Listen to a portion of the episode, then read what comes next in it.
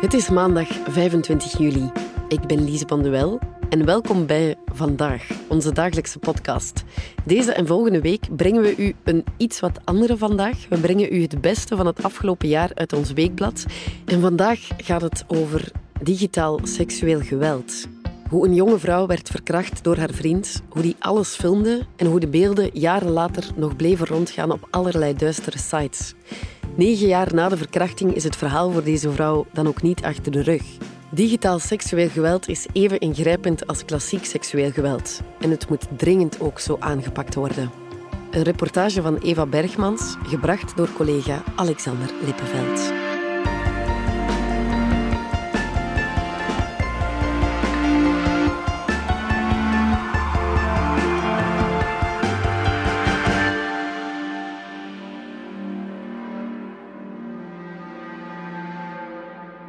Het is alsof de verkrachting jarenlang online voortging. Digitaal seksueel geweld is even ingrijpend als klassiek seksueel geweld en het moet dringend ook zo aangepakt worden, stelt Europa. België heeft sinds 2020 een wet die geïnspireerd is door het verhaal van Elke, wier verkrachting viraal ging. Ik ben van werk veranderd, zegt ze nadat een collega me herkend had. Er zijn momenten geweest dat ik niet meer buiten durfde te komen, uit schrik om herkend te worden. Dat is een citaat van Elke en Elke is een schuilnaam. Negen jaar na haar verkrachting is ze nog altijd continu op haar hoede. Voor de dader is ze niet bang.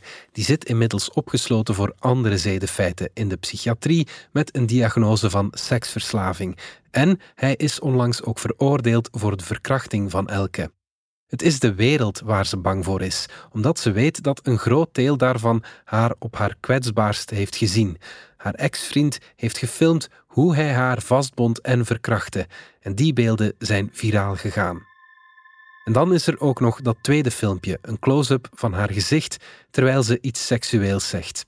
De exacte zin die zien Elke en Koen, ook een schuilnaam, haar partner, hier liever niet herhaald, om te vermijden dat er een nieuwe zoektocht naar de beelden op gang komt. Ook in dat filmpje figureert ze niet vrijwillig. Ze deed en zei wat de verkrachter haar opdroeg. Hij was boos, zegt ze, omdat ik te hard gegild had. En hij was bang dat de buren mijn gegil zouden horen. Toen maakte hij me los en eiste dat ik het zou afwerken, terwijl ik dat zinnetje zei. De verkrachter was haar toenmalige vriend, die elke in een situatie manoeuvreerde die hij voor BDSM liet doorgaan. Een genre seks dat haar niet meteen iets zei, maar voor hem wou ze het een kans geven. Hij negeerde elke grens die ze aangaf, verkrachtte haar en filmde alles. Ik had dat helemaal niet in hem gezien, zegt Elke. Ik was naïef, verblind door liefde. Hij was mijn prins op het witte paard. Hij was een jeugdvriend die ik uit het oog verloren was. Na een relatiebreuk contacteerde hij me op Facebook. Het klikte. We hadden een vertrouwensband door dat gedeelde verleden en hij was heel lief voor me.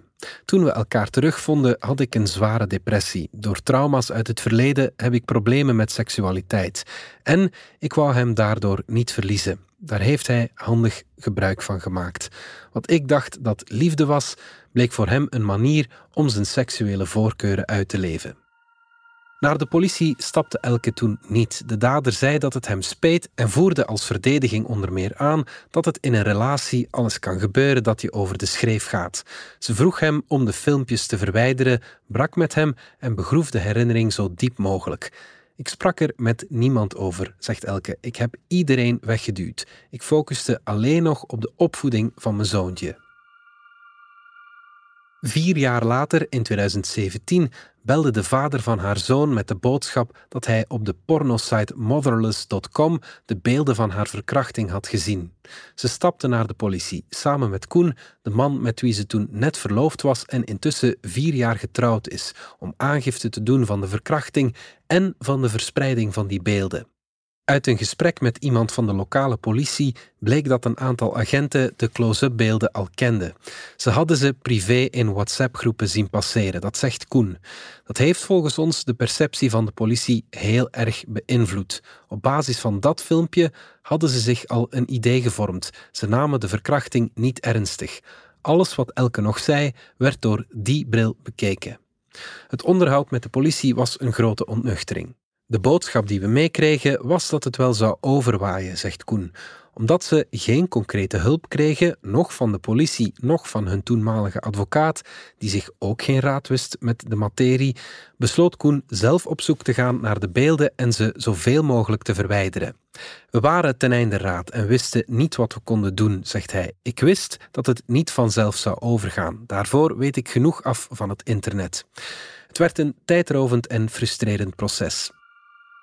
Je bent overgeleverd aan de willekeur van de moderatoren van dienst. Je holt continu achter de feiten aan als slachtoffer.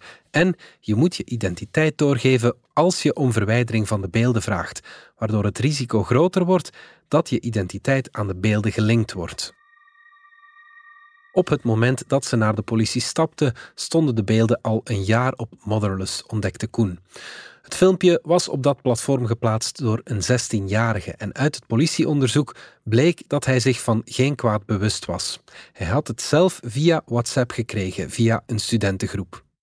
Koen heeft de verspreiding van de filmpjes zo goed mogelijk in kaart gebracht en vond ze vanaf 2014 in verschillende montages terug. Het internetforum 4chan heeft volgens zijn onderzoek een cruciale rol gespeeld in de verspreiding van de beelden van de verkrachting. Enige tijd na de aangifte in 2017 zag hij een opmerkelijke vermenigvuldiging van de beelden, wat het stel doet vermoeden dat de dader bij wijze van wraak voor de aangifte een flinke push aan de verspreiding van de beelden gegeven heeft. Het filmpje met Elkes gezicht en het opgedragen zinnetje ging een eigen leven leiden op mainstream fora. Terwijl de verkrachtingsbeelden op pornosites bleven circuleren, groeide de quote los van zijn context uit tot een meme. Op SoundCloud, TikTok, in gaming communities zoals Fortnite, in Facebookgroepen, op zowat alle sociale media, overal vond je remixes, memes en nog absurdere dingen, zegt Koen. Een webshop had er koffiemokken op geïnspireerd. Quizploegen vernoemden zich naar de Dirty Talk.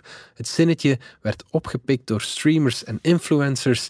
Een jongen toonde op YouTube hoe hij het in de klas uitriep. Dat zinnetje is een kreet met amusementswaarde geworden. Het maakt deel uit van het collectieve geheugen.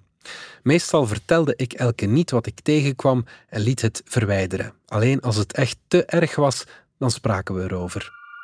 In het verwerkingsproces ontstond zo een taakverdeling, zegt Elke. Ik probeerde de verkrachting te verwerken en Koen nam voor zijn rekening wat er op het internet gebeurde.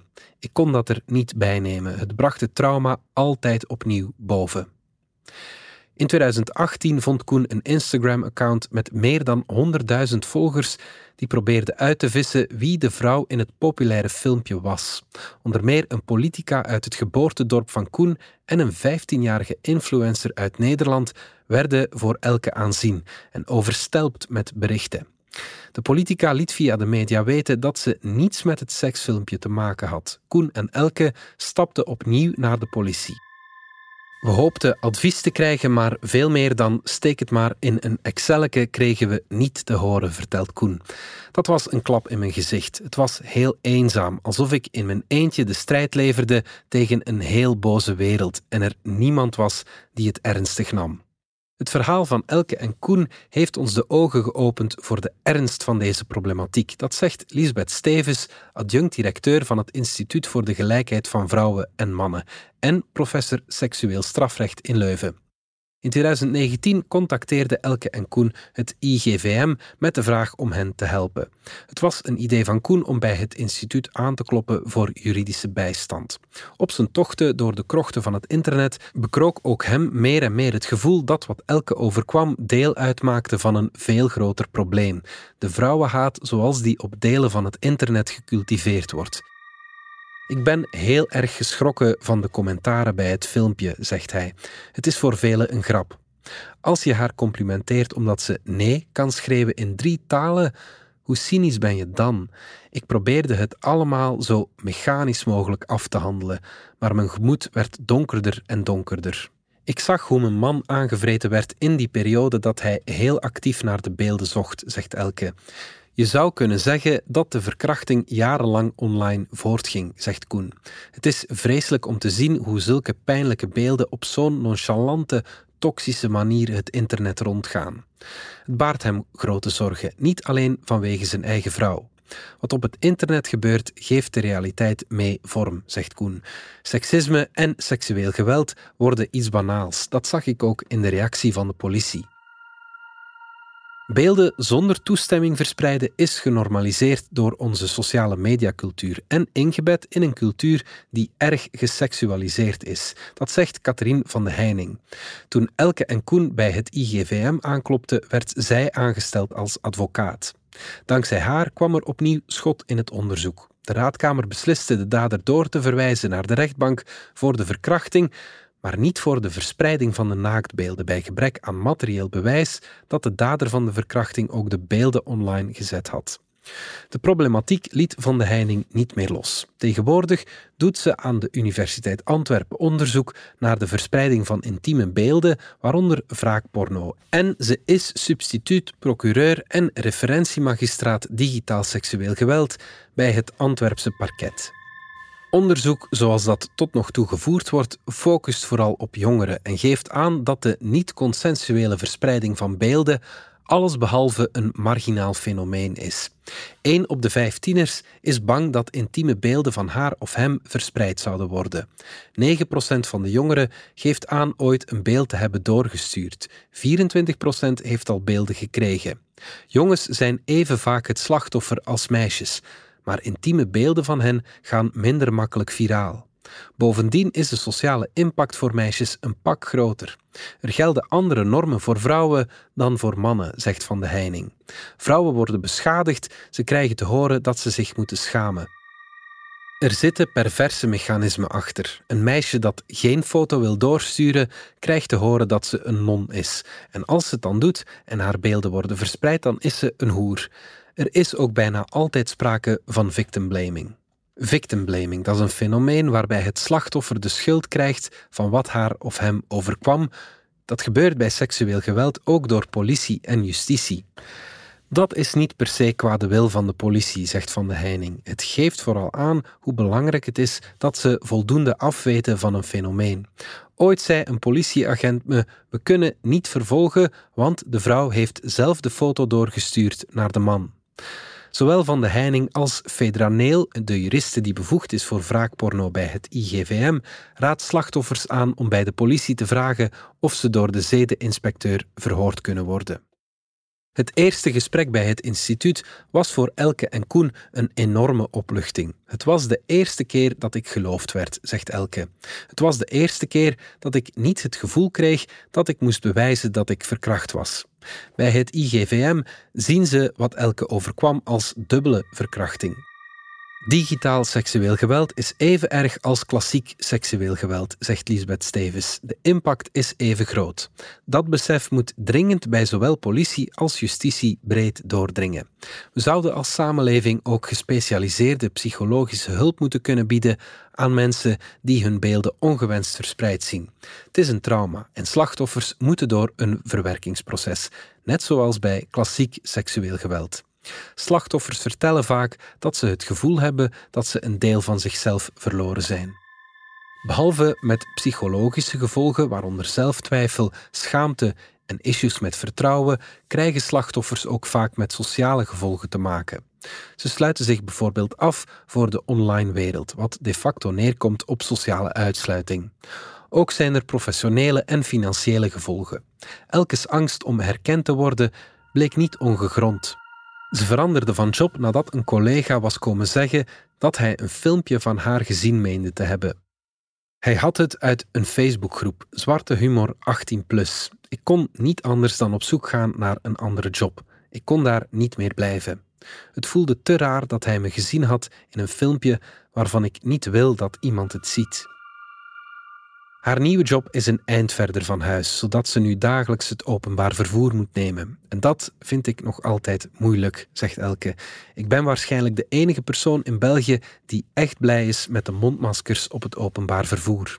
Ook Koen kreeg het moeilijker en veranderde van job. Door de stress kreeg hij af en toe concentratieproblemen en was hij te uitgeput om in ploegendienst te blijven werken. Op Facebook heeft Elke een nepprofiel. Toch werd ze opgespoord door mensen die haar 15 jaar niet gezien hadden en wilde weten of zij het is in het filmpje. En soms merken we aan het gedrag van passanten dat ze een vermoeden hebben, zegt Koen. Zoals tijdens een uitstapje in de Ardennen, waar een groepje Nederlandse tieners elkaar aanstoten en uit het filmpje citeerde. We gaan er even uit voor wat reclame. Wil jij je passie omzetten in Lego-stenen? En wil je iets verwezenlijken? Met je eigen handen. Het plan uitvoeren, blad na blad, stap voor stap. Super gefocust. Je bent in het moment. En je ziet het voor je ogen groeien. Lego bouwplezier. Dat is toch het schoonste wat er is? Wil jij ook je passie omzetten in Lego-plezier? Zoek dan snel op Lego-sets voor volwassenen. En nu pikken we terug aan in ons verhaal. Bij het IGVM kijken ze met gemengde gevoelens op de zaak Elke terug. Er is spijt dat het niet gelukt is om de dader ook voor de verspreiding van de beelden voor het gerecht te dagen. Toch is de zaak niet zonder gevolg gebleven. Ze vormde de basis voor het advies dat het IGVM en Van de Heining formuleerden over de wet op wraakporno, die in mei 2020 aangenomen is. Die wet stelt de niet-consensuele verspreiding van intieme beelden strafbaar als een aparte categorie misdrijven binnen het seksueel strafrecht. In principe was dat al strafbaar sinds 2016, maar dan via de omweg van voyeurisme. Met de wet zoals ze nu is, hadden we elke allicht beter kunnen helpen, zegt Van de Heining. In der tijd moesten we ons bijvoorbeeld beroepen op haar portretrecht of de wet op voyeurisme om de beelden te laten verwijderen. Nu is een platform dat weigert om de beelden offline te halen als een slachtoffer zich meldt, zelf ook strafbaar. Op basis daarvan heeft het IGVM momenteel een zaak lopen tegen Twitter, waar wraakporno vaak geëmbed wordt gedeeld tussen onschuldigere beelden. Een van de lessen die ze bij het instituut uit de casus van Elke trokken, is dat slachtoffers van wraakporno of de niet-consensuele verspreiding van intieme beelden eerst en vooral willen dat de beelden zo snel mogelijk offline gehaald worden. Pas in tweede instantie is het voor hen van belang dat de verspreider gestraft wordt. De wet geeft een provider maximaal zes uur de tijd na een vraag van politie of slachtoffer om de beelden offline te halen. Die termijn is cruciaal, zegt Fedraneel. Het internet is een eindeloos diepe put. Als beelden langer dan zes uur online zijn, wordt het bijna onmogelijk om ze ooit nog volledig van het internet te halen. Hoe sneller je erbij bent, hoe groter de kans dat beelden voorgoed verwijderd worden en hoe groter ook de kans dat nog te bewijzen is wie de verspreiders zijn. In het onderzoek proberen we een web te spinnen rond de initiële verspreider, zegt Van de Heining. Daar heb je de gegevens van het internetverkeer voor nodig en die worden maar kort bijgehouden. In elk geval viel niet meer te bewijzen dat de dader effectief de filmpjes als eerste had verspreid, ook al stonden ze op zijn computer samen met honderden andere zelfgemaakte filmpjes. Volgens de wetgeving zoals ze nu is, zal een verdachte moeten aantonen dat er wel toestemming is als het slachtoffer aannemelijk maakt dat beelden zonder toestemming verspreid zijn. Dat is voor Van de Heining een grote stap vooruit. Maar hoe goed de wet ook is, ze zal niet volstaan om het fenomeen van non-consensuele verspreiding van intieme beelden de wereld uit te helpen. Zonder grondige mentaliteitswijziging op het internet blijft het achter de feiten aanlopen. Bij het IGVM zitten ze daarom geregeld rond de tafel met de grote technologiebedrijven, die beseffen dat ze hun verantwoordelijkheid moeten nemen. Een van de concrete resultaten van dat overleg is de tool die te vinden is op stopncii.org, waar je een beeld kunt uploaden en vragen om het te hashen, wat wil zeggen dat het niet meer door iemand anders geüpload en verspreid kan worden. Je kunt dus al iets ondernemen zodra je vreest dat er beelden van je verspreid zullen raken. De grote techbedrijven zouden veel proactiever kunnen optreden, zegt Van de Heining. Zoals YouTube en Facebook systematisch blootbeelden weigeren, kun je ook algoritmes ontwerpen die actief op zoek gaan naar beelden die zonder toestemming verspreid zijn. Dat bedrijven blootbeelden verwijderen is onbedoeld een grote hulp in de strijd tegen de verspreiding van beelden, zegt Van de Heining. Maar op pornosites liggen de zaken een pak ingewikkelder. Authentiek vrouwelijk naakt is big business. Girlfriends zijn populair materiaal op pornosites, net als willoze en hulpeloze vrouwen. Pornhub heeft eind 2020 na een onderzoek van de New York Times en onder druk van publiek en kredietkaartmaatschappijen bij een grote schoonmaak miljoenen filmpjes verwijderd, onder meer omdat er zoveel beelden van verkrachtingen circuleerden. Als de digitale dienstenwet van de Europese Raad erdoor komt, zullen bedrijven verplicht zijn om dit soort materiaal sneller te verwijderen en gestimuleerd worden om er actiever op zoek naar te gaan. Facebook heeft een algoritme ontwikkeld waarmee je kunt zoeken naar beelden die gemaakt zijn zonder dat alle partijen daarvan op de hoogte zijn. Dat algoritme zullen ook andere bedrijven kunnen gebruiken. Gebruikers en financiers moeten samen de druk op bedrijven opvoeren, denkt Van de Heining. Ze verwijst naar de Dirty Dozen, een jaarlijks gepubliceerde lijst van bedrijven die munt slaan uit de uitbuiting van seksueel cybergeweld, en waar dit jaar onder meer TikTok en Visa op staan. Digitaal cybergeweld is een probleem dat veel groter is dan wraakporno alleen. Van de Heining ziet sextortion, het afpersen van mensen met beelden van seksuele aard, als een nieuwe tak van de internationale misdaad, die explodeert door de deepfake-technologie. Het is een van de redenen waarom ze blij is met het voorstel van resolutie tegen gendergerelateerd geweld dat Europa op Vrouwendag lanceerde en dat digitaal seksueel geweld expliciet vermeldt.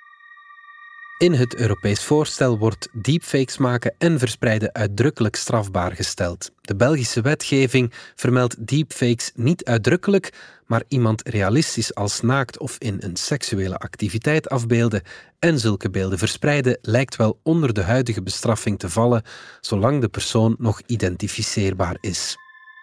Een Nederlandse rechter wees onlangs een pornosite ondubbelzinnig op haar verantwoordelijkheid in de verspreiding van intieme beelden.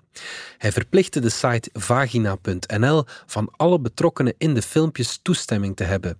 Dat is een revolutionair vonnis, zegt Van de Heining. En ik hoop dat het navolging krijgt. Het zou niet meer dan logisch zijn dat je minstens de identiteit van iedereen op het beeld moet meedelen aan een platform zodat zij kunnen controleren of het om consensuele beelden gaat.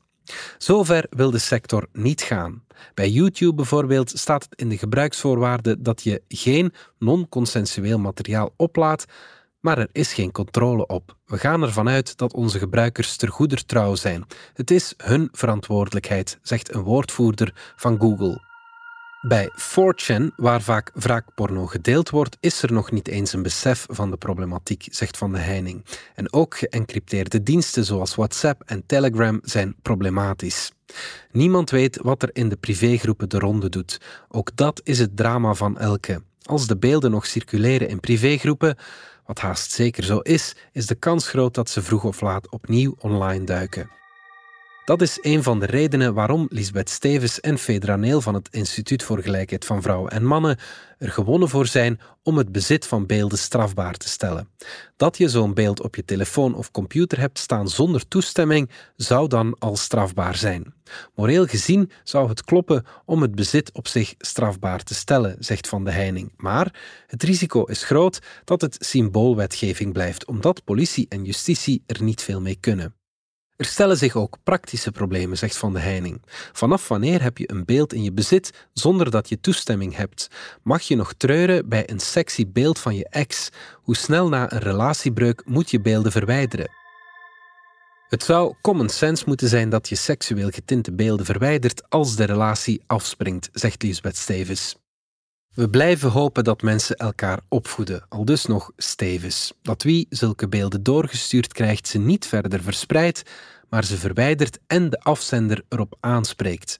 Wettelijk gezien is het overigens ook verboden om de beelden door te sturen. De secundaire verspreiders zijn evengoed als de eerste verspreider strafbaar. Al lijken weinig mensen dat te beseffen als je ziet hoe massaal de beelden van de BV-slachtoffers van Evelien gedeeld zijn. Dat is de zaak waarbij een student zich uitgaf voor Evelien en daarbij naaktbeelden ontfutselde van Peter van de Veire, Chandont en Stan van Samang. Het helpt niet, zegt Stevens, dat er voor de secundaire verspreiders in de praktijk een soort straffeloosheid geldt. Politie en gerecht hebben hun handen al vol met de eerste verspreider. Het is maar per uitzondering, zoals in de zaak tegen Twitter, dat secundaire verspreiders voor het gerecht gedaagd worden. Stevens zou in ons land graag een keer zien gebeuren wat het gerecht in Denemarken deed. Een halve school vervolgen en veroordelen als mededaders die de beelden van een meisje hadden rondgestuurd. In de rechtbank valt me vaak op dat daders niet beseffen hoe groot de impact van hun daden is, zegt Van de Heining. Uit onderzoek blijkt dat de motieven van daders om beelden te delen verschillen. Ze doen het zeker niet altijd om een ex te treffen. Het gebeurt net zo goed om iemand te chanteren of beelden in ruil te krijgen uit lust of uit verveling. Dan heb je uit verveling een leven verwoest. Dat is Frank. Dit was vandaag de dagelijkse podcast van de Standaard. Bedankt voor het luisteren. Alle credits van de podcast die je net hoorde vind je op standaard.be-podcast. Reageren kan via podcast.standaard.be. Morgen zijn we er opnieuw.